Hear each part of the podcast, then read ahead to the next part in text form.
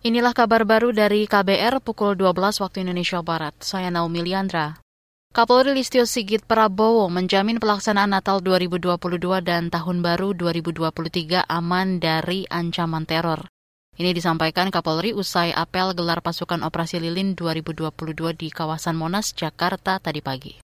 Dan tentunya ancaman-ancaman terkait dengan masalah ibadah dan potensi ancaman teror, kami sudah memerintahkan pada seluruh jajaran khususnya Densus untuk betul-betul mewaspadai dan mengambil langkah-langkah sehingga seluruh rangkaian baik pada saat pengamanan tempat ibadah dan kita memasuki tahun baru 2023 seluruh masyarakat betul-betul bisa aman dari ancaman-ancaman dan gangguan-gangguan yang tentunya sudah kita prediksi.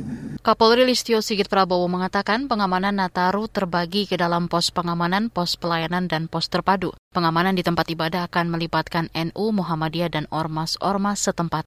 Kapolri mengatakan pelibatan Ormas dalam pengamanan Nataru merupakan bentuk toleransi. Kita ke informasi selanjutnya. Presiden Joko Widodo menerima kunjungan kenegaraan Presiden Vietnam Nguyen Xuan Phuc di Istana Bogor hari ini. Berikut pernyataan Presiden Jokowi usai menggelar pertemuan bilateral dengan Presiden Vietnam. Saya ingin mengucapkan selamat datang di Indonesia dan merupakan sebuah kehormatan dapat menerima Presiden Phuc di Istana Bogor pada hari ini. Vietnam merupakan mitra strategis Indonesia sejak tahun 2013 dan pada pertemuan tadi kita telah membahas berbagai peningkatan kemitraan strategis baik secara bilateral maupun kawasan. Itu tadi Presiden Joko Widodo. Presiden Vietnam datang bersama delegasi terbatas sekitar pukul 10 pagi. Kedatangannya disambut upacara kenegaraan diiringi pasukan Satria Nusantara, pasukan berkuda, dan korps musik pas pampres. Kedua kepala negara sempat melakukan penanaman pohon di area Istana Bogor.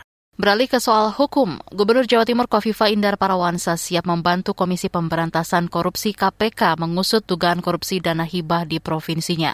Kasus itu diduga melibatkan Wakil Ketua DPRD Jatim Sahatua Simanjuntak.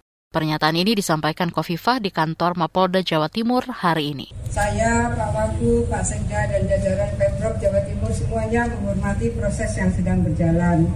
Dan kami semua, jajaran Pemprov Jawa Timur, siap untuk membantu mendukung data jika dibutuhkan. Gubernur Jawa Timur Kofifa Indar Parawansa memastikan tidak ada dokumen yang dibawa saat penyidik KPK menggeledah ruang kerjanya dan wakil gubernur.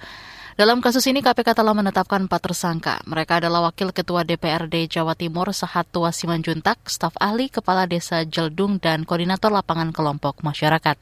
Demikian kabar baru KBR, saya Naomi Liandra.